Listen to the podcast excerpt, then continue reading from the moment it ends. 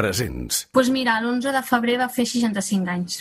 El Santi Pinyol ja pensava en la jubilació quan un virus estrany, que s'havia detectat a la Xina, anava aproximant-se silenciosament cap a nosaltres.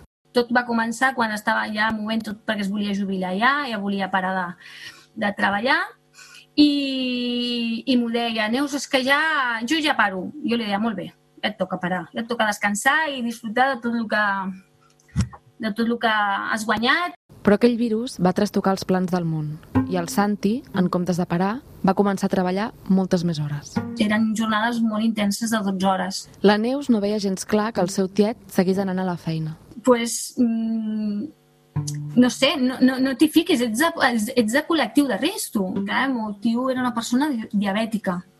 Tenia el pobre una mica de sobrepès. I, i tenia, a veure, tenia una edat. Però en aquells moments delicats, a l'inici de la pandèmia, la feina del Santi era vital. Un veí, fins i tot, li va deixar una nota a l'ascensor. Una nota d'agraïment per la feina que estava fent i de molts ànims, de que ho superaríem i tot això. El Santi era especialment vulnerable al coronavirus, però la seva vocació podia més que ell. Així que no va faltar ni un dia a la feina. Y él me decía, digo, es que esto es horrible, esto es horrible, estamos todos contagiados aquí. Però ell, ell li donava igual, ell sabia que el seu lloc estava a Sant Pau i que ell volia ajudar als seus pacients. Presents.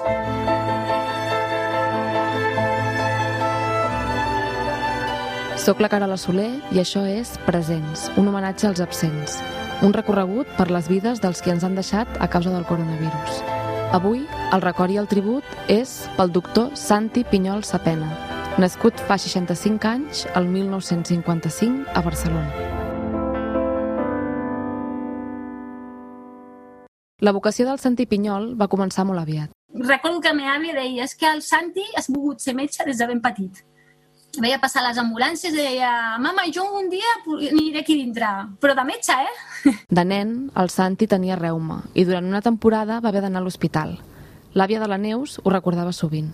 Sí, perquè el Santi tenia reuma llavors havíem d'anar molt a, a Sant Pau perquè, perquè li posessin unes vacunes. Veure aquells homes i dones en bata, amunt i avall de l'hospital, atenent a pacients, el va impressionar.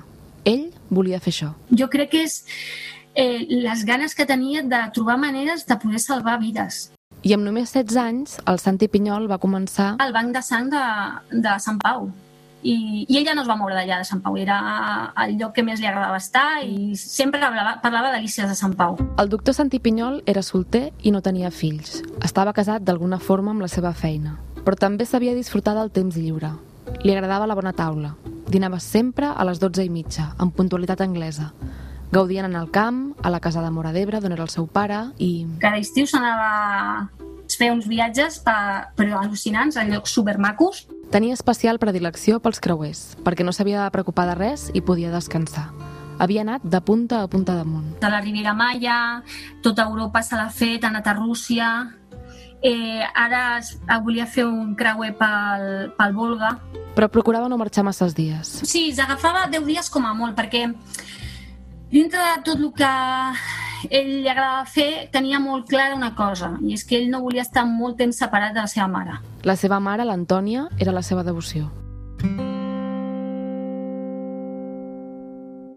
Però quan el coronavirus va arribar a casa nostra, el doctor Pinyol va tenir clar que els viatges haurien d'esperar, perquè ell era un dels anestesiòlegs més experimentats de Sant Pau. Així que, tot i que estava de retirada, amb 65 anys i algunes patologies prèvies, quan el brot va començar, ell no ho va dubtar. I volia estar on, on el necessitaven. I ell creia que el necessitaven a Sant Pau. Quan el Santi trucava a la Neus, la seva neboda, aquells primers dies, estava molt commogut. Ella em deia que era molt dur, molt dur, i que la situació era molt, molt crítica.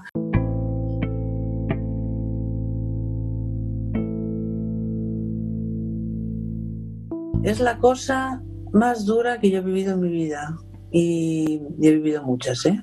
La doctora Vicky Moral és la directora del Servei d'Anestesiologia de Sant Pau, la CAP del doctor Pinyol els últims 17 anys. Otras cosas duras que he vivido, pues un descarrilamiento de un tren y un montón de, de víctimas. Pero eso es algo agudo que pasa y que dura uh, pues un día, dos más máximo, ¿no? La doctora Moral sabia que el coronavirus detectat a la Xina no era una grip, com volíem creure la gran majoria de persones, però al principi, com quasi tots, volia restar-li importància. volia creure que no arribaria aquí. Yo pensaba que esto se parecía al ébola o así, y que, pero que estaba muy lejos. Ningú estava preparat per una pandèmia, però ràpidament, després dels primers casos a Itàlia, la realitat va començar a imposar-se. Va ser com una onada. Pero es que esto era horroroso. Veías llegar pacientes y continuamente, y aquello no acababa. A Sant Pau, en menys d'una setmana, van haver de triplicar els llits de cures intensives. El personal sanitari, de cop, va quedar a la primera línia de la pandèmia. Tots, inclòs el doctor Santi Pinyol, es van haver de remengar. I enmig de l'estrès per aquella malaltia desconeguda hi havia una gran inquietud. ¿Cómo vamos a proteger a los médicos y a las enfermeras de eso? Porque era, eh, ya sabíamos que era súper contagioso y que podía matar a mucha gente, ¿no? Tota mesura de seguretat era poca, però a la vegada faltava molta informació i en alguns moments també equips de protecció bàsics.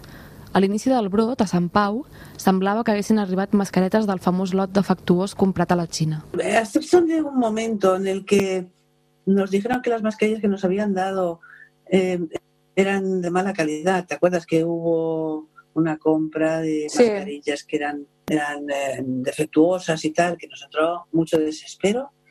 Eh, diría que no hemos tenido escasez. Bueno, no hemos, no no hemos tenido déficit. Tot i que la qualitat del nostre sistema sanitari és una bandera, ha patit moltes retallades els últims anys i cada hospital ha viscut el seu propi calvari.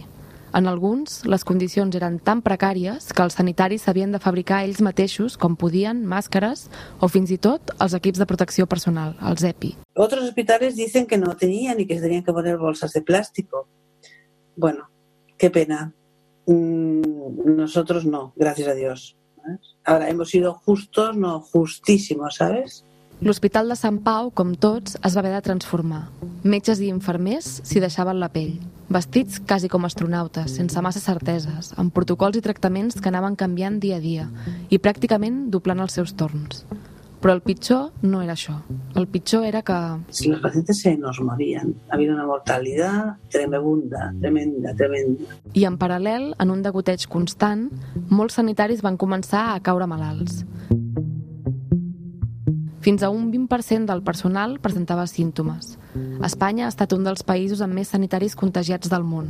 La gran majoria recuperaven, però no tots. Alguns metges, de fet, dormien a hotels per poder tenir el virus i encomanar-ho a les seves famílies.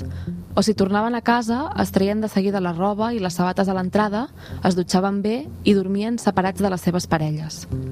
Però tots tornaven a l'hospital a posar-se la bata. Per molts, han estat herois. No lo piensas. Vas muerto de miedo, pero lo haces. Porque es tu trabajo y no lo piensas. El doctor Santi Pinyol tampoc ho va pensar massa quan va decidir treballar durant la pandèmia. La indicació a Sant Pau era que els sanitaris en grups de risc, majors de 60 anys i amb patologies prèvies, no treballessin. O si ho feien, que no estiguessin a la sala amb els pacients més greus de Covid. Però el doctor Pinyol, veient el panorama, acabava entrant a aquella sala cada dia. Yo me acuerdo que unos días antes de que se pusiera enfermo, no hacíamos más que reñirle, otra compañera y yo, pero Santi, sal de aquí. No, jefa, que mala hierba nunca muere. Sí, ell és que sempre estava al pie del canyó i nosaltres mm, estàvem sorpresos perquè era com, però Santi, ara a tu et toca descansar i estar a casa i no exposar-te i ell, ell no, ell sempre volia estar treballant i donar el millor de si mateix i, i fer el que més li agradava, que era fer d'anestesiòleg. La Sílvia Barbero és resident d'anestèsia a Sant Pau. Té 29 anys. I un dels seus adjunts, un dels seus mentors, per dir-ho d'alguna forma, era el Santi Pinyol. Bueno, el Santi era una persona molt propera, era molt estimada tant per la resta de professionals com pels propis residents i l'equip quirúrgic. Era molt carinyós amb els pacients. Era molt maco el tracte que ell tenia amb el pacient perquè sempre procurava doncs, que estigués molt còmode, que s'adormís còmode, evidentment que es despertés còmode. I amb els companys més joves, amb els residents, també era molt atent, molt pacient. Era maco estar amb ell perquè perquè sempre tenia un moment per nosaltres, per explicar-nos les coses i que i això és veritat, tenia molta paciència. De fet, el doctor Santi Pinyol no es perdia cap sopar amb l'equip, i era sempre, a totes les graduacions dels residents i a tots els sopars de Nadal. Ella era una persona molt alegre, que no faltava a cap esdeveniment d'aquest tipus i, i sabíem que podíem comptar amb ell. Per la Sílvia i els seus companys, les noves generacions d'anestesiòlegs, el Santi era un referent i sovint li feien saber aquest sopars, dedicant-li aplaudiments, que ell rebia amb vergonya, amb molta discreció. Hi ha moltes coses que nosaltres aprenem eh, estudiant dels llibres, però evidentment hi ha una part que és l'experiència del dia a dia i ell d'això en tenia de sobres. Pels qui no són metges, és difícil explicar com era el Santi com a anestesiòleg, però el quiròfan 11 de Sant Pau, el seu quiròfan, està en mans del doctor Pinyol, era una garantia. Ell tenia com la seva bola de cristall amb alguns pacients i se sabia anticipar molt bé a tots els problemes que hi podien haver durant la cirurgia. Per tot plegat, la Sílvia recorda que va ser molt difícil seguir treballant quan a partir del 30 de març, entre els pacients amb coronavirus de la UCI de Sant Pau, hi havia el seu company i mestre, el Santi Pinyol. Tots teníem ganes de que, de que anés bé i que es pogués recuperar i tornar-lo a veure i tornar-lo a saludar. Malauradament això no ha estat així i, clar, tots el, el, el trobem molt, molt a faltar. El doctor Pinyol va ingressar a Sant Pau dos dies després d'haver portat ell mateix a l'hospital a la seva mare, de 87 anys, amb símptomes de coronavirus. I tot i que els seus companys van fer tot el possible per mirar de salvar-lo durant quasi un mes, el virus va ser més fort que ells. Cuando un peldaño de la escalera no funciona, subes al siguiente y sabes que la escalera se acaba, ¿no? Y vimos a Santi subir, subir y, y finalmente pues no conseguir salir adelante de ninguna de las de las situaciones, de los tratamientos que se le hizo, etcétera, ¿sabes? Y es muy duro. A la doctora Vicky Moral, la cap del Santi, només li queda un consol. Una de las cosas que más nos ha, nos ha hecho daño a los sanitarios es ver, es ver cómo la gente tenía que morirse sola, ¿no? Bueno, pues Santi no se murió solo. Aquell 23 d'abril, quan tot indicava que era el final, Fuimos allí, cuatro o seis personas del servicio, todas enfundadas, súper vestidas, pero Santi no murió solo.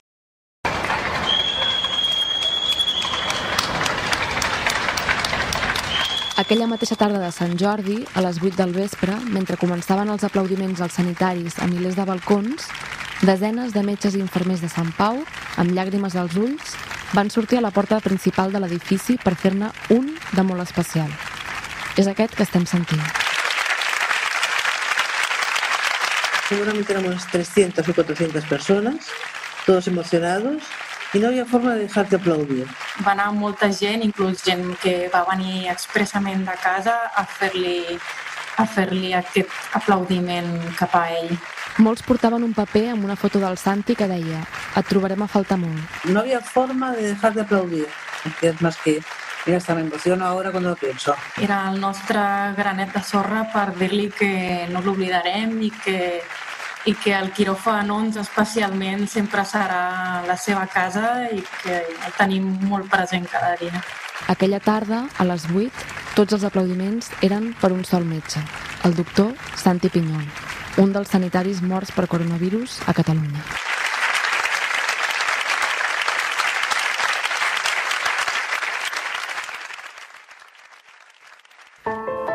Presents. Un homenatge als absents és un podcast original de Catalunya Ràdio. Direcció, guió, producció i narració, Carola Soler. Muntatge tècnic, Matilde Seoane. Producció executiva, Albert Segura.